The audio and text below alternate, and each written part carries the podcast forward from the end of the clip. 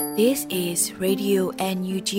the voice of National Unity Government of Myanmar, broadcasting for Myanmar's Spring Revolution. Radio NUG is transmitting from shortwave 16 meter 17.79 megahertz at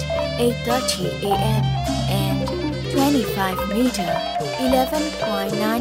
megahertz at 8:30 p.m. Myanmar Standard Time. မင်္ဂလာပါရှင်။မြို့သားညီညွတ်ရေးအစိုးရရဲ့အတန်လွတ်ဌာန Radio NUG ကိုမန္တပိုင်း၈နိုင်ခွဲမှာလိုင်းတူ6မီတာ19.3ခုကုန်းမဂါဟတ်စ်နဲ့ညပိုင်း၈နိုင်ခွဲမှာလိုင်းတူ25မီတာ17.3ကိုလီမဂါဟတ်စ်တို့မှာဓာတ်ရိုက်ဖမ်းယူနားဆင်နိုင်ပါပြီရှင်။မင်္ဂလာအပေါင်းနဲ့ကြိတ်ဆုံကြပါစေ။အခုချိန်ကစပြီး Radio NUG စီစဉ်လေးကိုဓာတ်ရိုက်အတန်နဲ့ပေးနေပါပြီ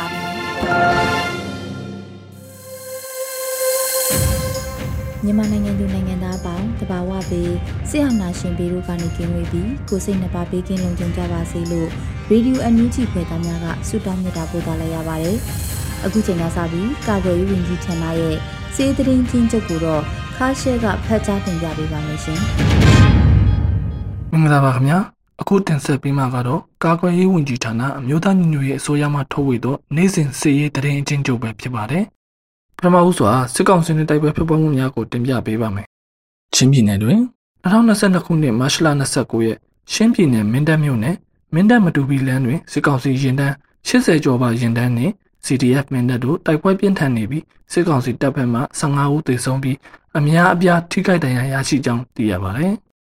2022ခုနှစ်မတ်လ29ရက်ရှမ်းပြည်နယ်မင်းတပ်မြို့ဘဝတေးရက်ကွက်ဝမတူမောင်းလန်းဗမှုဟာချိန်ကျောင်းအနီးအသစ်ပြင်ဆင်နေသောရေကန်တွင်လုံခြုံရေးယူထားသောစစ်ကောင်စီတပ်သားများကို CDF မင်းတပ်မှဝင်ရောက်တိုက်ခိုက်ရာစစ်ကောင်စီတပ်သား2ဦးသေဆုံးကြောင်းသိရပါတယ်။2022ခုနှစ်မတ်လ26ရက်ရှမ်းပြည်နယ်ဖလန်းမြို့နယ်ရီခေါ်ဒါမြို့အမတ်တေးရက်ကွက် နယ်စပ်ဂိတ်အနီးရှိ CNDF ယာယီစခန်းကိုစစ်ကောင်စီတပ်မှဝင်ရောက်ပစ်ခတ်ခဲ့ပြီးစစ်ကောင်စီတပ်မှပြည်သူလေးဦးကိုဖမ်းဆီးခေါ်ဆောင်ခဲ့ကနှစ်ဦးကိုပြန်လည်လွတ်ပေးခဲ့ပြီးနှစ်ဦးကိုဆက်လက်ထိန်းသိမ်းဖမ်းဆီးထားကြောင်းသိရပါတယ်။စကိုင်းတိုင်းတွင်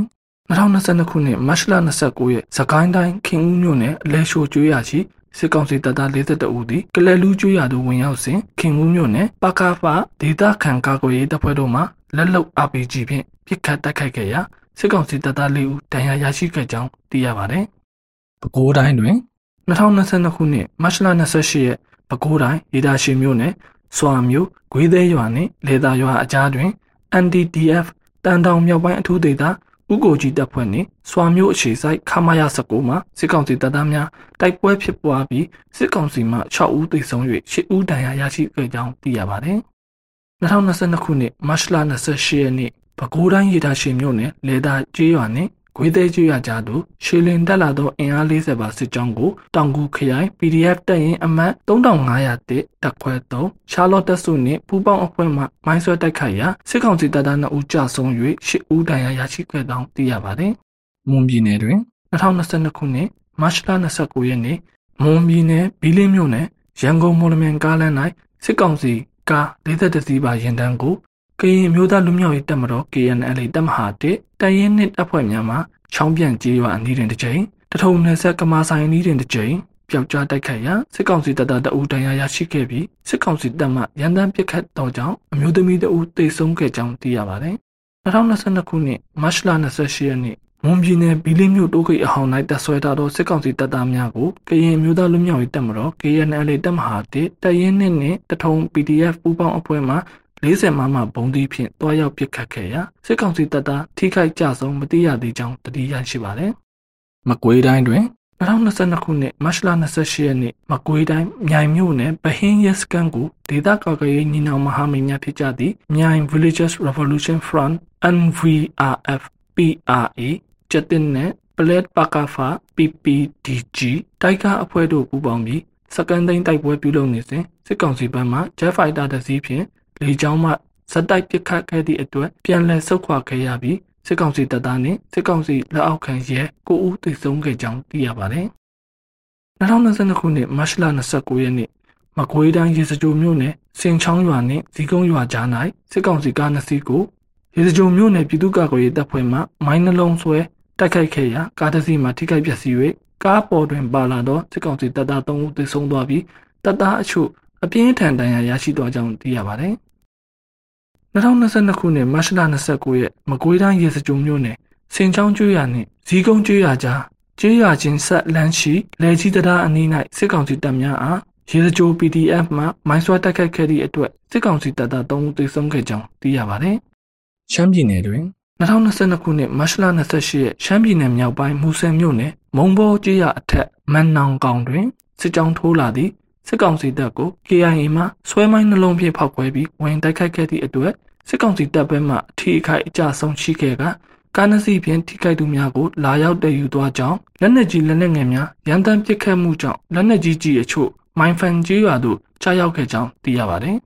။ဆက်လက်ပြီးစစ်ကောင်စီကျူးလွန်သောရာဇဝတ်မှုများကိုတင်ပြပေးပါမယ်။ကရင်နီကရားပြည်နယ်တွင်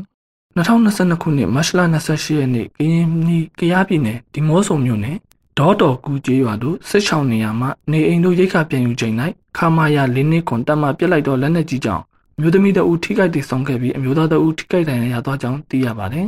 ။ချင်းပြည်နယ်တွင်2022ခုနှစ်မတ်လ28ရက်ရှင်းပြည်နယ်မတူပီမြို့နယ်မတူပီမြို့မှအမျိုးသားတအူမင်းတပ်မတူပီလန်ချန်ပီယံချောင်းအနီး၌ငါဖမ်းသွားချိန်မိုင်းနှင်းမိပြီးခြေထောက်တစ်ဖက်တန်ရာမှာပြင်းထန်သောကြောင့်မတူပီပြည်သူ့စေယုံတွင်စေကူတာမှုခံယူနေကြောင်းသိရပါတယ်။စကိုင်းတိုင်းတွင် 2022ခုနှစ်မတ်လ29ရက်နေ့စကိုင်းတိုင်းရတော်မြို့နယ်နောင်ကြီးအိုင်ကြီးရွာမှစစ်ကောင်စီလက်အောက်ခံရဲဆယ်ဦးခန့်သည်ပြည်သူ၃ဦးအားဖမ်းဆီးခဲ့ကြောင်းသိရပါတယ်။2022ခုနှစ်မတ်လ29ရက်နေ့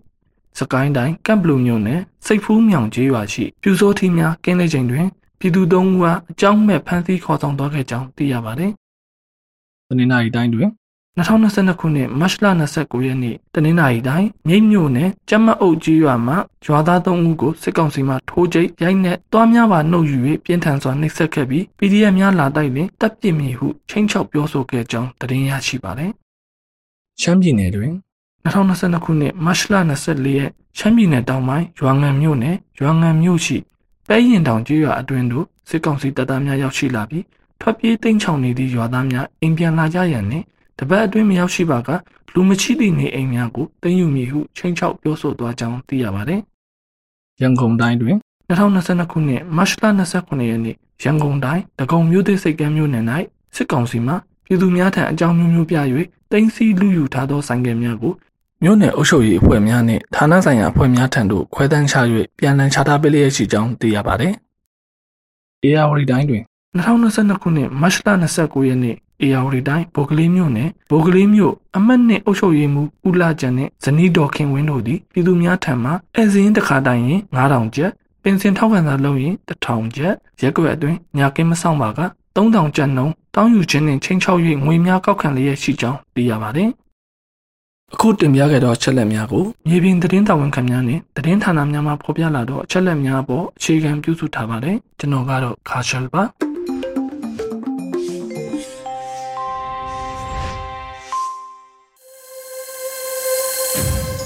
ရေဒီယိုအန်ယူဂျီရဲ့မနက်ခင်းစီစဉ်တွေကိုဆက်လက်တင်ပြနေပါတယ်။အခုဆက်လက်ပြီးနောက်ဆုံးရသတင်းများကိုတော့အေရီမှဖတ်ကြားတင်ပြပေးပါမယ်ရှင်။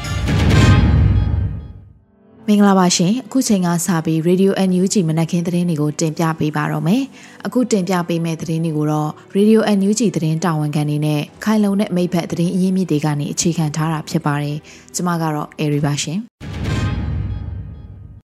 ပထမဆုံးသတင်းတစ်ပုဒ်အနေနဲ့ဂျာကာလာမှာလောက်ရမှာကစစ်ကောင်စီပြုတ်ကြရေးဖြစ်တယ်လို့ယာယီသမရဒူဝါလက်ရှိလာပြောကြားလိုက်တဲ့သတင်းကိုတင်ပြပေးပါမယ်။ဂျာကာလာမှာလောက်ရမှာကစစ်ကောင်စီပြုတ်ကြရေးဖြစ်တယ်လို့ကက်ဘိနက်အစည်းအဝေးမှာယာယီသမရဒူဝါလက်ရှိလာကမှာကြားလိုက်ပါတယ်။အမျိုးသားညီညွတ်ရေးအစိုးရရဲ့48ကြိမ်မြောက်အစိုးရအဖွဲ့အစည်းအဝေးမှာယာယီသမရကအခုလိုပြောကြားခဲ့တာပါ။ကျွန်တော်တို့ရဲ့အတွေ့အကြုံအရမြေပြင်စိုးမိုးရေးကိုရရှိအောင်လုပ်ရမှာအရေးကြီးတယ်။ မြေပြင်မှာစီမံခန့်ခွဲမှုလုပ်နိုင်မှုကအမျိုးသားညီညွတ်ရေးအစိုးရအတွက်အလွန်အရေးကြီးတယ်။နယ်မြေစိုးမိုးရေးအတွက်ပစ္စည်းတွေငွေတွေအင်မတန်အရေးပါတယ်။အဲ့ဒါတွေကိုဦးစားပေးလှုပ်ဆောင်ရမယ်။ဂျာကာလာမှာလုပ်ရမှာကစစ်ကောင်စီပြုတ်ကြရေးဖြစ်တယ်။မြေပြင်မှာလုပ်ရမယ့်ကိစ္စတွေကိုအထူးအလေးထားပြီးလှုပ်ဆောင်မှုထပ်လောင်းပြောကြားလိုတယ်လို့ဆိုပါတယ်။အမျိုးသားညီညွတ်ရေးအစိုးရရဲ့48ကြိမ်မြောက်အစိုးရဖွဲ့အစည်းအဝေးကိုယာယီသမရဒူဝါလက်ရှိလာပြည်ထောင်စုဝန်ကြီးချုပ်မန်ဝင်းခိုင်တန်းတို့အပါအဝင် ပြည်ထောင်စုဝန်ကြီးတွေဒုတိယဝန်ကြီးတွေတက်ရောက်ခဲ့ကြပါတယ်။ NUG ရဲ့လှုပ်ဆောင်ချက်တွေနှေးကွေးနေတယ်ဆိုပြီးပြောဆိုမှုတွေရှိနေပေမဲ့ကျွန်တော်ပြောလိုတာကမနှေးကွေးပါဘူးအစိုးရအဖွဲ့အကုန်လုံးကကိုစွမ်းရှိသမျှလှုပ်ဆောင်နေကြတာဖြစ်ပါတယ်ဒါကိုအချိန်အဟုန်မကြအောင်ဝိုင်းဝန်းစူးစမ်းကြဖို့ပြည်သူလူထုကိုအသိပေးဖို့ကမ္ဘာနိုင်ငံအသီးသီးမိတ်ဆွေများကိုလည်းအသိပေးဖို့လိုတယ်ရုန်းကန်ရတဲ့အမှန်တရားကိုကဘာကိုသိစေပြီးတော့ကဘာနဲ့လက်တွဲပြီးတော့ အမြန်ဆုံးစစ်ကောင်စီကိုချိန်မုံပြီးဖြုတ်ချပြီးတော့မြန်မာနိုင်ငံတစ်ကိုအမြန်ဆုံးထူထောင်ရမယ်လို့အမျိုးသားညီညွတ်ရေးအစိုးရယာယီသမရဒူဝါလက်ရှိလာကပြောကြားခဲ့ပါတယ်ရှင်။ဆက်လက်ပြီး2022ခုနှစ်ကတော်လန်ရေးအောင်ပွဲရမယ်နှဲလို့ပြည်တော်စုဝန်ကြီးချုပ်ဖွင့်ဟပြောဆိုလိုက်တဲ့သတင်းကိုတင်ပြပေးပါမယ်။2022ခုနှစ်ကဒေါ်လာရေးအောင်ပွဲရမယ်နှဲလို့အမျိုးသားညီညွတ်ရေးအစိုးရပြည်အောင်စုဝန်ကြီးချုပ်မန်းဝင်းခိုင်တန်းကဖွင့်ဟပြောဆိုလိုက်ပါတယ်။ အမျိုးသားညီညွတ်ရေးအစိုးရရဲ့48ကြိမ်မြောက်အစိုးရအဖွဲ့အစည်းအဝေးကိုမက်လနောက်ဆုံးပတ်မှာကျင်းပခဲ့ရမှာပြည်အောင်စုဝန်ကြီးချုပ်ကအခုလိုပြောကြားခဲ့တာပါ။အစိုးရအဖွဲ့အနေနဲ့ကဏ္ဍပေါင်းစုံမှာမလစ်ဟင်းရအောင်စူးစမ်းဆောင်ရွက်နေတာအခုဆိုရင်တစ်နှစ်ပြည့်တော့မှဖြစ်တယ်။မပြည့်မစုံအခြေအနေတွေရရုန်းကန်ကြရတာမို့ကိစ္စတိုင်းကချောချောမွေ့မွေ့မရှိဘူးဆိုတာဒီလိုအခြေအနေတွေပြည်သူတွေရဲ့ပြင်းထန်တဲ့ယုံကြည်ချက်နဲ့လှုပ်လာတာအခုဆိုရင်အောင်မြင်မှုကိုတွေ့ရပြီဆိုတာနဲ့ပုံမှုကောင်းမွန်တဲ့ဒေါ်လာရေးအဆုံးသက်အတွက် စီရေးကဏ္ဍအုပ်ချုပ်ရေးကဏ္ဍနိုင်ငံခြားရေးကဏ္ဍဗန္နာရှာဖွေရေးကဏ္ဍစသဖြင့်ကဏ္ဍဆောင်ကဆက်လက်အားစိုက်ဆောင်ရွက်ပေးကြပါနောက်ဆုံးအနေနဲ့ဒီနေ့ကတော်လှန်ရေးအောင်ပွဲရမယ့်နှစ်ဖြစ်ပြီးတော့လိုအပ်နေတဲ့ဗန္နာငွေရရှိနိုင်မှုအတွက်ကိုလည်းဝင်ကြီးဌာနတွေစုပေါင်းစူးစမ်းပေးဖို့ပြည်ထောင်စုဝင်ကြီးချုပ်ကဆိုပါတယ်အမျိုးသားညီညွတ်ရေးအစိုးရဟာစစ်အုပ်စုကို2021ခုနှစ်စက်တင်ဘာလ9ရက်နေ့မှာခုခံတွန်းလှန်မှုနိုင်ငံတော်ကိုအရေးပေါ်အခြေအနေကြီးညာခဲ့ပါတယ်။လက်ရှိမှာစစ်ကောင်စီတပ်တွေဟာ ကရင်ပြည်ဒေသကရင်ပြည်နယ်နဲ့စကိုင်းတိုင်းတို့မှာအထူးကအကြဆုံးများပြားလျက်ရှိနေပါတယ်ရှင်။အခုတခါတပွင့်နေသောနှင်းစီပကြီးကအမေရိကန်ဒေါ်လာ4000တန်မိုးကိုရောက်ရှိလာပြီဆိုတဲ့သတင်းကိုတင်ပြပေးပါမယ်။တပွင့်နေသောနှင်းစီလို့အမည်ပေးထားတဲ့အမေစုပုံတူပကြီးကားနဲ့ထွက်ပေါက်လို့အမည်ရတဲ့ပကြီးကားနှစ်ချက်ကိုလေလံတင်ခဲ့ရမှာတပွင့်နေသောနှင်းစီဆိုတဲ့အမေစုပုံတူပကြီးကားဟာမက်လ19ရက်နေ့မနက်မှာ American Dollar 4000တန်မိုးကိုရောက်ရှိလာပြီလို့သိရှိရပါတယ်။တပွင့်နေသောနှင်းစီပကြီးကားကိုပကြီးဆရာ MPP ဦးရဲမြင့်ကကင်ဖက်ပေါ်မှာစီစည်းနဲ့ရေးဆွဲထားပြီးပတ်လေအလျားအနံ80စင်တီမီတာရှိတဲ့ပကြီးကားဖြစ်ပါတယ်။ဧပြီလ9ရက်နေ့မြန်မာစံတော်ချိန်ည8:00နာရီမှာ live ပြီးဆုံးချိန်မှာလေးလံအမြင့်ဆုံးဆေးပေးတဲ့စေတနာရှင်ပုဂ္ဂိုလ်ကိုကြီးညာပေးရင်အောင်မြင်စွာလေးလံပွဲအဆုံးသတ်ပေးမှာဖြစ်ကြောင်းဒီလေးလံပကြီးကားလေးကရရှိသမျှငွေတွေကိုလိုအပ်တဲ့နေရာတွေကို ဓာတ်ရိုက်ပေးဖို့လှူဒန်းသွားမှာဖြစ်ကြောင်း DD Channel စာမျက်နှာကကြေညာထားပါတယ်ရှင်။အခုဆက်လက်ပြီးပြည်ထောင်စုလွှတ်တော်ကိုစားပြုကော်မတီ CRPH နဲ့အမျိုးသားညီညွတ်ရေးအစိုးရဝန်ကြီးဌာနအဖွဲ့တွေကြားတွဲဆုံဆွေးနွေးမှုပြုလုပ်ခဲ့တဲ့တဲ့တင်ကိုတင်ပြပေးပါအောင်မယ်။ ပြည်အောင်စုလွှတ်တော်ကိုစားပြုကော်မတီ CRPH ရဲ့နိုင်ငံတကာဆက်ဆံရေးကော်မတီနဲ့အမျိုးသားညီညွတ်ရေးအစိုးရလျှက်စစ်နဲ့စွမ်းအင်ဝင်ကြီးဌာနတို့အကြားတွေ့ဆုံဆွေးနွေးမှုကိုမလ29ရက်နေ့ညနေ4နာရီမှာဗီဒီယိုကွန်ဖရင့်ကတဆင့်ကျင်းပပြုလုပ်ခဲ့ကြပါတယ်။တွေ့ဆုံဆွေးနွေးပွဲမှာနိုင်ငံတကာဆက်ဆံရေးကော်မတီကဆောင်ရွက်လျက်ရှိနေတဲ့နိုင်ငံတကာဆက်ဆံရေးတန်တမာရေးတိုးမြင့်နိုင်ရေးကိစ္စရပ်တွေနဲ့ဆက်လက်ဆောင်ရွက်မယ့်ကိစ္စရပ်တွေမြို့သားညီညွတ်ရေးအစိုးရလျှက်စစ်နဲ့စွမ်းအင်ဝင်ကြီးဌာနရဲ့ တော်လှန်ရေးကာလဆိုင်ရာမူဝါဒဆောင်ရွက်ချက်တွေနဲ့ရှေ့လုပ်ငန်းစဉ်တွေအနာဂတ် Federal Democracy ပြည်ထောင်စုတည်ဆောက်ရေးမှာဝန်ကြီးဌာနရဲ့ကြိုတင်ပြင်ဆင်ဆောင်ရွက်နေမှုတွေမြန်မာနိုင်ငံမှာရင်းနှီးမြှုပ်နှံလျက်ရှိတဲ့လျှက်စစ်နဲ့စွမ်းအင်ကဏ္ဍကနိုင်ငံတကာကုမ္ပဏီတွေနဲ့ပတ်သက်တဲ့ကိစ္စရပ်တွေနိုင်ငံတကာကချမှတ်လျက်ရှိတဲ့အရေးယူပိတ်ဆို့မှုတွေနဲ့နိုင်ငံတကာအတိုင်းဝန်းကိုဆက်လက်တွန်းအားပေးတောင်းဆိုဆောင်ရွက်သွားရမယ့်အချက်တွေပေါ်ဆွေးနွေးခဲ့ကြတယ်လို့သတင်းထုတ်ပြန်ပါတယ်။အဲ့လိုတွေ့ဆုံဆွေးနွေးရမှာပြည်အောင်စုလွှတ်တော်ကိုစားပြုကော်မတီ နိုင်ငံတကာဆက်ဆံရေးကော်မတီဥက္ကဋ္ဌဒေါ်မြတ်တီတာထွန်း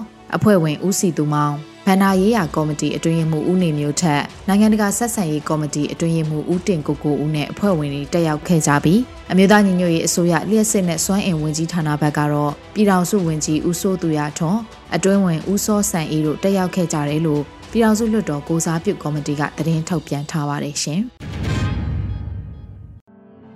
အခုဆက်လက်ပြီး စီးပွားရေးလုပ်ငန်းရှင်တွေကိုစစ်ကောင်စီနဲ့ရောပြီးကြောက်တဲ့ထိုးဆင်းမလားပြည်သူနဲ့ရှင်ကြံနေမလားဆိုပြီး88မျိုးဆက်ခေါင်းဆောင်ကိုမင်းကိုနိုင်ကမေကွန်းထုတ်လိုက်တဲ့အကြောင်းကိုပြောပြပေးပါမယ်။လူဦးတော်လှန်ရေးအတွက်ထောက်ပံ့ကူညီမှုတွေမလုပ်သေးတဲ့စီးပွားရေးလုပ်ငန်းရှင်တွေကိုအကြမ်းဖက်စစ်ကောင်စီနဲ့ရောပြီးကြောက်တဲ့ထိုးဆင်းမလားပြည်သူနဲ့ရှင်ကြံပြီးနေမလားဆိုပြီးတော့လူဦးတော်လှန်ရေးမှာဥဆောင်သူတဦးလည်းဖြစ်88မျိုးဆက်ခေါင်းဆောင်တဦးလည်းဖြစ်တဲ့ကိုမင်းကိုနိုင်ကမေကွန်းထုတ်လိုက်ပါတယ်။ဗန္နာရေးအစီအစဉ်တွေကိုဝင်ကူဆက်သွယ်လှုံ့ဆော်ပေးဖို့ပါပဲ။ ဝါရဖြန့်ချီရေးမှာလည်းညံကောင်းကောင်းနဲ့ကူကြရမှာပေါ့စီးပွားရေးသမားတွေလည်းလမ်းခွရောက်နေပြီစစ်ကောင်စီနဲ့ရော်ပြီးကြောက်တဲ့ထိုးအစင်းခံမလားပြည်သူနဲ့ရှင်ကြံမလားရွေးပြီးတော့ဘုံဝယ်ပါဆိုတာဒါပြောနေတာလို့လူမှုຫນွေဦးသတင်းဌာနနဲ့အင်တာဗျူးမှာကိုမင်းကိုနိုင်ကပြောကြားလိုက်တာပါ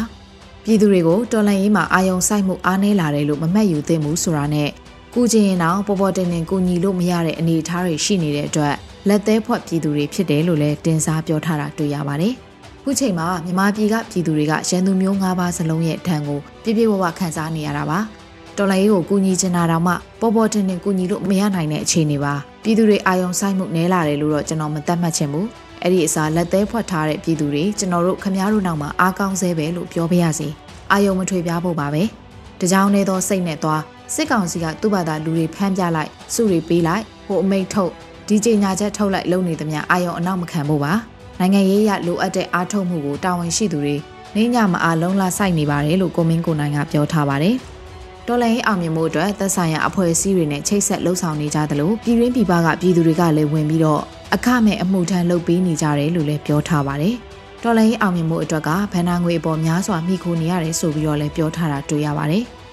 ဒီဒေါ်လာရဲ့အနည်းအမြန်ကိစ္စကငွေကြေးဘဏ္ဍာပေါ်များစွာတည်မိတယ်။မရှိစင်းရဲလူမွဲတွေစီကအိတ်ကက်အတင်းနှိုက်ခိုင်းတာမျိုးမဟုတ်ပါဘူး။ တက်နိုင်တာကိုအားဆိုင်လုပ်ရင်ကိုရနေပြီ။ click တဲ့အလုပ်တသက်မမတ်အချိန်ယူလို့လူသိန်းကနန်းလောက်နေ့စဉ် click လုပ်ရင်ကိုရပြီ။ဒေါ်လာရဲ့အဋိဌာန်နဲ့မပြတ်မကွက်လုပ်ဆိုပြီးကိုမင်းကိုနိုင်ကပြောပါတယ်။တော်လိုင်းအောင်မြင်မှုအတွက်အမျိုးသားညီညွတ်ရေးအစိုးရရဲ့ငွေတိုက်စာချုပ်တွေကိုဝယ်ယူအားပေးကြဖို့အတွက်လည်းကိုမင်းကိုနိုင်ကတိုက်တွန်းထားပါတယ်။နေဦးတော်လိုင်းရေးကစစ်ဗျူဟာရောနိုင်ငံရေးဖြူဟာရောနှစ်ခုစလုံးနဲ့လှုပ်ဆောင်နေရတာဖြစ်ပြီးတော့ဖြူဟာနှစ်ခုစလုံးကအရေးကြီးနေတယ်ဆိုတာနဲ့ နေဦးတော်လှန်ရေးကအောင်ကိုအောင်မြင်မှာဖြစ်တယ်ဆိုပြီးတော့လည်းမှတ်ချက်ပြုပြောကြားထားတာတွေ့ရပါတယ်ရှင်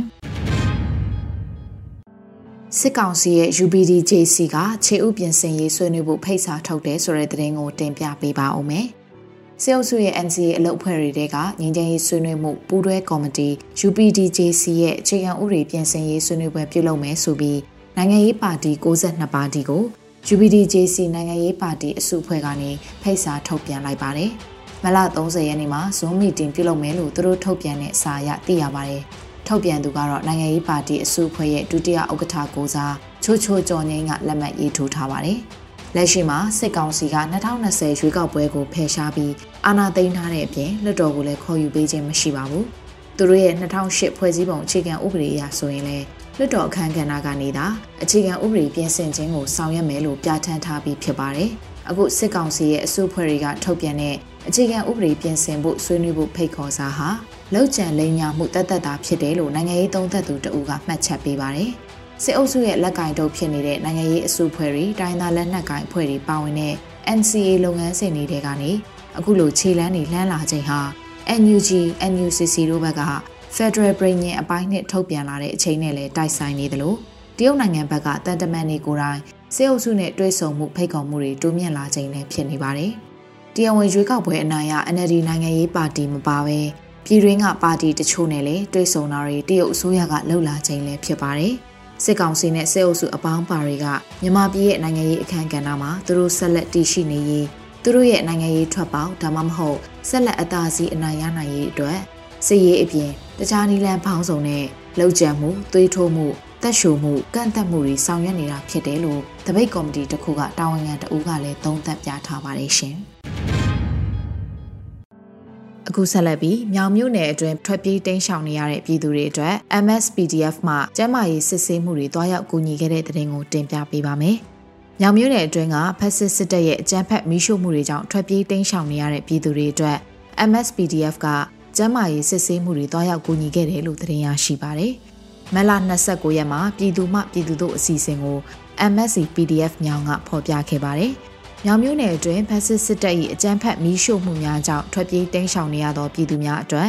MSPDF မှာကျန်းမာရေးစစ်ဆေးမှုများတွားရောက်ကူညီဆောင်ရွက်ပေးခဲ့ပါတယ်။စစ်ပေးဆောင်ပြည်သူများအတွက်စေဝါလိုအပ်နေပါသဖြင့်ပြည်သူများအနေနဲ့ဝိုင်းဝန်းကူညီပံ့ပိုးပေးစီခြင်းပါတယ်လို့ဆိုထားပါတယ်။ညောင်မျိုးနယ်မှာလက်ရှိအမျိုးသားညီညွတ်ရေးအစိုးရပူးပေါင်းမှုနဲ့ကျောင်းသားကျောင်းသူပေါင်း3000ကျော်ကိုလည်းပညာသင်ကြားဖို့စီစဉ်နေတယ်လို့သိရပါတယ်။ညောင်မျိုးနယ်ထဲမှာစစ်ကောင်စီတပ်တွေဟာ အင်အားများစွာချထားပေမဲ့လည်းမြို့ပေါ်စိုးမိုးမှုသာကြန့်ရှိတော်တာဖြစ်တယ်လို့လည်းသိရပါတယ်ရှင်။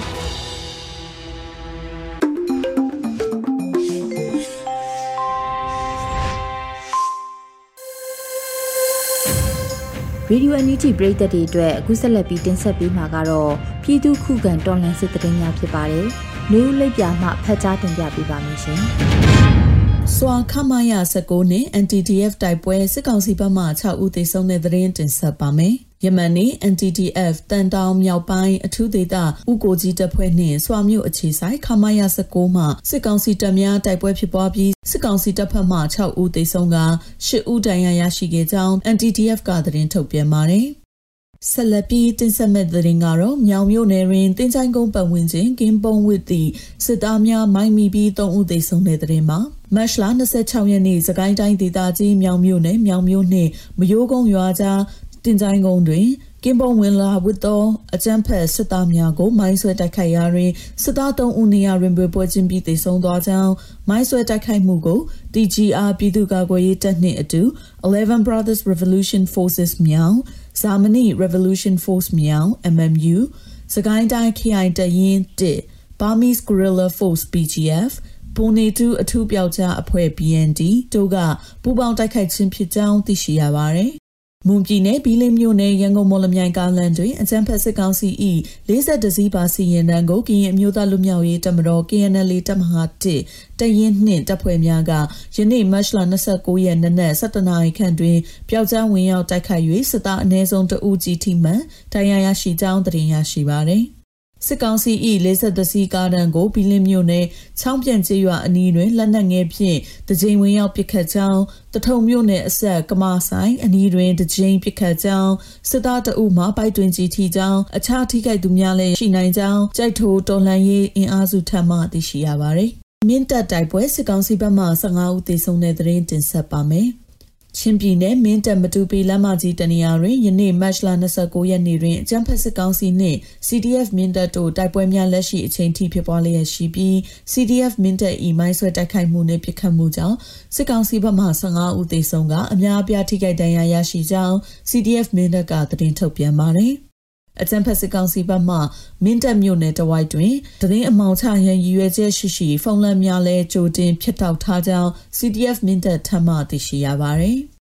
နောက်ဆုံးအနေနဲ့အမျိုးသားညီညွတ်ရေးအစိုးရပြည်ထရေးနဲ့လူဝင်မှုကြီးကြပ်ရေးဝန်ကြီးဌာနက2022ခုမတ်လ29ရက်ရက်စွဲနဲ့ထုတ်ပြန်တဲ့ပြည်သူ့ခုခံတော်လှန်စစ်တရင်ချက်လက်တွေကိုတင်ဆက်ပေးသွားမှာပါ။ အာနာသိန်းချမ်ဖက်စစ်အုပ်စု၏ပြည်သူလူထုအပေါ်အကြမ်းဖက်ဖိနှိပ်ဖန်ဆီးတိုက်ခိုက်တပ်ဖြတ်နေမှုများကိုပြည်သူလူထုတရက်လုံးကအသက်ရှင်သန်ရေးအတွက်မိမိကိုယ်ကိုမိမိခုခံကာကွယ်ပိုင်ခွင့်အရာပြည်သူခန့်စစ် People Defensive War ကိုဆင်နွှဲနေရရှိပါတယ်။သတင်းချက်လက်များအရ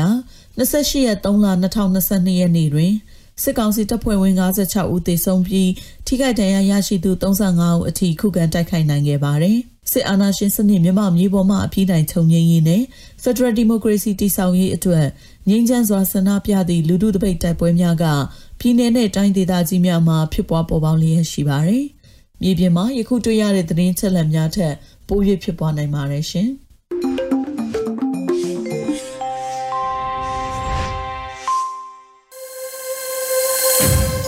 ရေဒီယိုအန်ယူဂျီမှာဆက်လက်တင်ပြနေပါတယ်။အခုဆက်လက်ပြီး PPTV ရဲ့နေ့စဉ်သတင်းများကိုတော့ထက်တဲ့အိမ်ပြောင်မှဖတ်ကြားတင်ပြပေးပါမယ်ရှင်။ပထမဆုံးတင်ဆက်ပေးမှာကတော့တော်လန်ရေးကာလအတွက်တင်မကဘဲနဲ့ Federal ပြည်ထောင်စုတိဆောက်ရေးအတွက်ပါရည်ရွယ်ပြီးတော့မဟာမိတ်ဆက်ဆံရေးကော်မတီကိုဖွဲ့စည်းခဲ့တာလို့နိုင်ငံခြားရေးဝန်ကြီးဒေါ်စင်မအောင်ပြောကြားလိုက်တဲ့ဆိုတဲ့သတင်းမှာ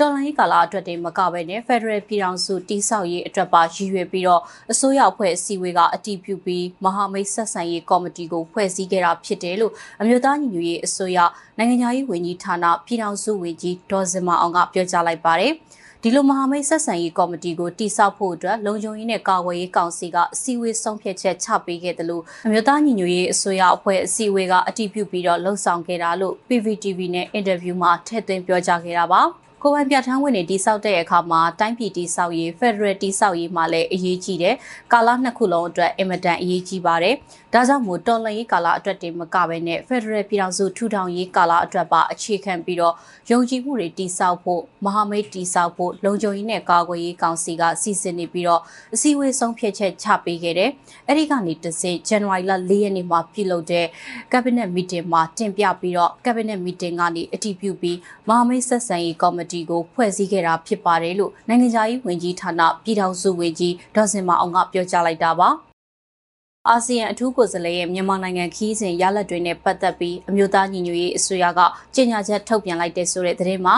အာဆီယံအထူးကိုယ်စားလှယ်ရဲ့၃ရက်ကြာမြန်မာနိုင်ငံခီးစဉ်ရဲ့ရလဒ်နဲ့ပတ်သက်ပြီးတော့အမျိုးသားညီညွတ်ရေးအစိုးရကဒီကနေ့ရက်စွဲနဲ့ကြေညာချက်ထုတ်ပြန်လိုက်ပြီးအာဆီယံကိုယ်စားလှယ်ရဲ့သက်ဆိုင်ရာအဖွဲ့အစည်းတွေအားလုံးနဲ့တွေ့ဖို့ပြက်ကွက်တဲ့အပေါ်ကိုအလွန်စိတ်ပြက်မိတယ်လို့သုံးနှုန်းထားတာကိုလည်းတွေ့ရပါတယ်။အမျိုးသားညီညွတ်ရေးအစိုးရအနေနဲ့မြန်မာနိုင်ငံဆိုင်ရာအာဆီယံအထူးကိုယ်စားလှယ်ကမ္ဘောဒီးယားနိုင်ငံဒုတိယဝန်ကြီးချုပ်နဲ့နိုင်ငံခြားရေးဝန်ကြီး Prasok Khono ရဲ့၃ရက်ကြာမြန်မာခီးစဉ်ကိုအတိအမှတ်ပြုတယ်လို့ဖော်ပြထားပါတယ်။ အာဆီယံဗုဒ္ဓဘောတူညီချက်9ရပ်ကိုအကောင့်ထဲဖော်ရမှာအလွန်ချုံးမွေစီရန်အထူးတန်တမန်ရဲ့လှုပ်ဆောင်ပိုင်ခွင့်ကိုကုညီပံ့ပိုးရန်နဲ့ချိတ်ဆက်ဆောင်ရွက်ရန်အမျိုးသားညီညွတ်ရေးအစိုးရရဲ့ဂတိကဝတ်ပြုမှုကိုထပ်လောင်းပြောကြားလိုတယ်လို့ဖော်ပြထားပါတယ်။ဒါပေမဲ့လည်းအထူးတန်တမန်ကအာဆီယံဗုဒ္ဓဘောတူညီချက်9ရပ်ရဲ့လိုအပ်ချက်ဖြစ်တဲ့သက်ဆိုင်ရာအဖွဲ့အစည်းများအားလုံးနဲ့တွေ့ဆုံရန်ပြက်ကွက်ခဲ့တဲ့အတွက်အလွန်စိတ်ပြတ်မိတယ်လို့ဖော်ပြထားတာပါ။ အထူးတန်တမန်ရဲ့သတင်းစာရှင်းလင်းပွဲမှာပြုလုပ်ထားတဲ့နောက်အဆင့်တွေနဲ့ပတ်သက်ပြီး NUG ကတုံ့ပြန်မှုတွေပေးထားရမှာ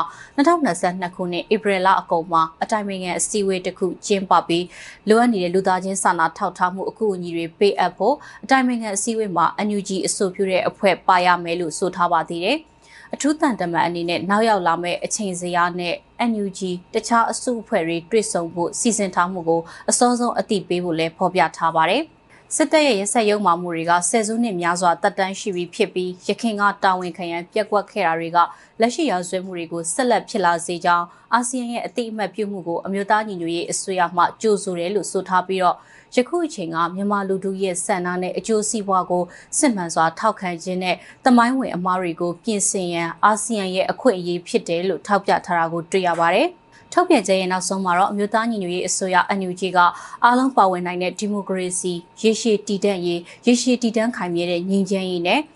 ဖွံ့ဖြိုးတိုးတက်မှုတို့အတွက်ကတိပြုတယ်လို့ဖော်ပြထားသလို Federal Democracy ပြည်ညံကိုအကောင့်ထဲဖော်ရန်အတွက်အမျိုးသားညီညွတ်ရေးအတိုင်းအမြံကောင်စီအပါအဝင်မြန်မာနိုင်ငံမှာရှိတဲ့နယ်ပယ်ဆောင်ကလူပုဂ္ဂိုလ်များလူမှုအတိုင်းဝိုင်းတွေနဲ့စစ်မှန်တဲ့တွေ့ဆုံဆွေးနွေးမှုမှာပါဝင်ချိတ်ဆက်ဆောင်ရွက်နေတယ်လို့ဖော်ပြထားပါတယ်။ စကိုင်းတိုင်းအေရော်မြို့နယ်မှာလည်းចောင်းသားပြည်သူတွေစုပေါင်းပြီးဒီကနေ့မနက်မှာဆီယနာရှင်စန့်ကျင်ရေးတပိတ်ကိုပြုလုပ်ခဲ့ပါတယ်။ဆန္ဒပြပြည်သူတွေကတာတူညီမျှတဲ့လောကလူမှုအားနဲ့တိုက်ယူကြဆိုတဲ့စာသားကိုကင်ဆွဲပြီးတော့တော်လှန်ချီတက်ဆန္ဒပြခဲ့ပါတယ်။ရင်းမပင်ခရိုင်ရင်းမပင်အရှိချမ်းနဲ့ဆလင်းကြီးမြောက်ချမ်းတို့စုပေါင်းထားတဲ့ရွာပေါင်းစုံတပိတ်စစ်ကြောင်းကလည်းဒီကနေ့မနက်မှာဆီယနာရှင်စန့်ကျင်ရေး384ရက်မြောက်ဖြစ်တဲ့ဆန္ဒပြတပိတ်ချီတက်ခဲ့ပါတယ်။ ဆန္ဒပြပြည်သူတွေကခွတ်ထောင်းအလံတွေပြည်သူ့ကာကွယ်ရေးတပ်ဖွဲ့အလံတွေကင်ဆွဲပြီးတော့ချီတက်ဆန္ဒပြခဲ့တာပါရန်ကုန်မြို့မှာလည်းလူငယ်တွေကအဖမ်းဆီးများတဲ့ကြားတဲ့ကနေပြီးတော့ဒီကနေ့မနက်မှာစစ်အာဏာရှင်စန့်ကျင်ဆန္ဒပြတပိတ်ကိုပြုလုပ်ခဲ့ပါသေးတယ်။ဆန္ဒပြလူငယ်တွေကဖက်စစ်ဝါဒတိုက်ဖြတ်ကြပြည်သူဒီမိုကရေစီရေးတိဆောက်ကြဆိုတဲ့ကြွေးကြော်သံတွေနဲ့စစ်အာဏာရှင်တိုက်ဖြတ်ရေးဆန္ဒပြချီတက်ခဲ့တာပါ။ ဆန္ဒပြပွဲကိုဘကတာများအဖွဲ့ချုပ်ဝင်ចောင်းသားတမကများ Progressive Muslim Youth Association PMYA Not the Gone Oppressed People's Right Coalition NDOPSC နဲ့ရွှေပြည်သားမြို့နယ်တပိတ်ကော်မတီတို့ပူးပေါင်းလှုပ်ဆောင်ခဲ့ကြတာလည်းဖြစ်ပါတယ်။ ကချင်ပြည်နယ်ဖားကတ်မြို့မှာလည်းပြည်သူတွေစုပေါင်းပြီးတော့ဆီယနာရှင်စန့်ကျင်ရေးဆန္ဒပြတပိတ်နဲ့ KIA နဲ့ PDF NUG ထောက်ခံပွဲကိုဒီကနေ့မနက်မှာပြုလုပ်ခဲ့ပါတယ်။ဆန္ဒပြပြည်သူတွေက KIA နဲ့ PDF တိုက်ပွဲတိုင်းမှာနိုင်ပါစေလို့ဆုတောင်းခဲ့ကြပြီးຫນွေဦးတော်လှန်ရေးအရေးတော်ပုံအောင်ရမယ်ဆိုတဲ့ကြွေးကြော်သံတွေကိုဟစ်ကြွေးခဲ့ကြပါတယ်။ ဒါကတော့မတ်လ29ရက်နေ့ဆီယနာရှင်အမြင့်ပြည့်ချေပုံရေးလူလူဆန္ဒပြပွဲသတင်းတွေကိုစူးစီးတင်ဆက်ပေးကြတာဖြစ်ပါတယ်။ကျေးဇူးတင်ပါတယ်ရှင်။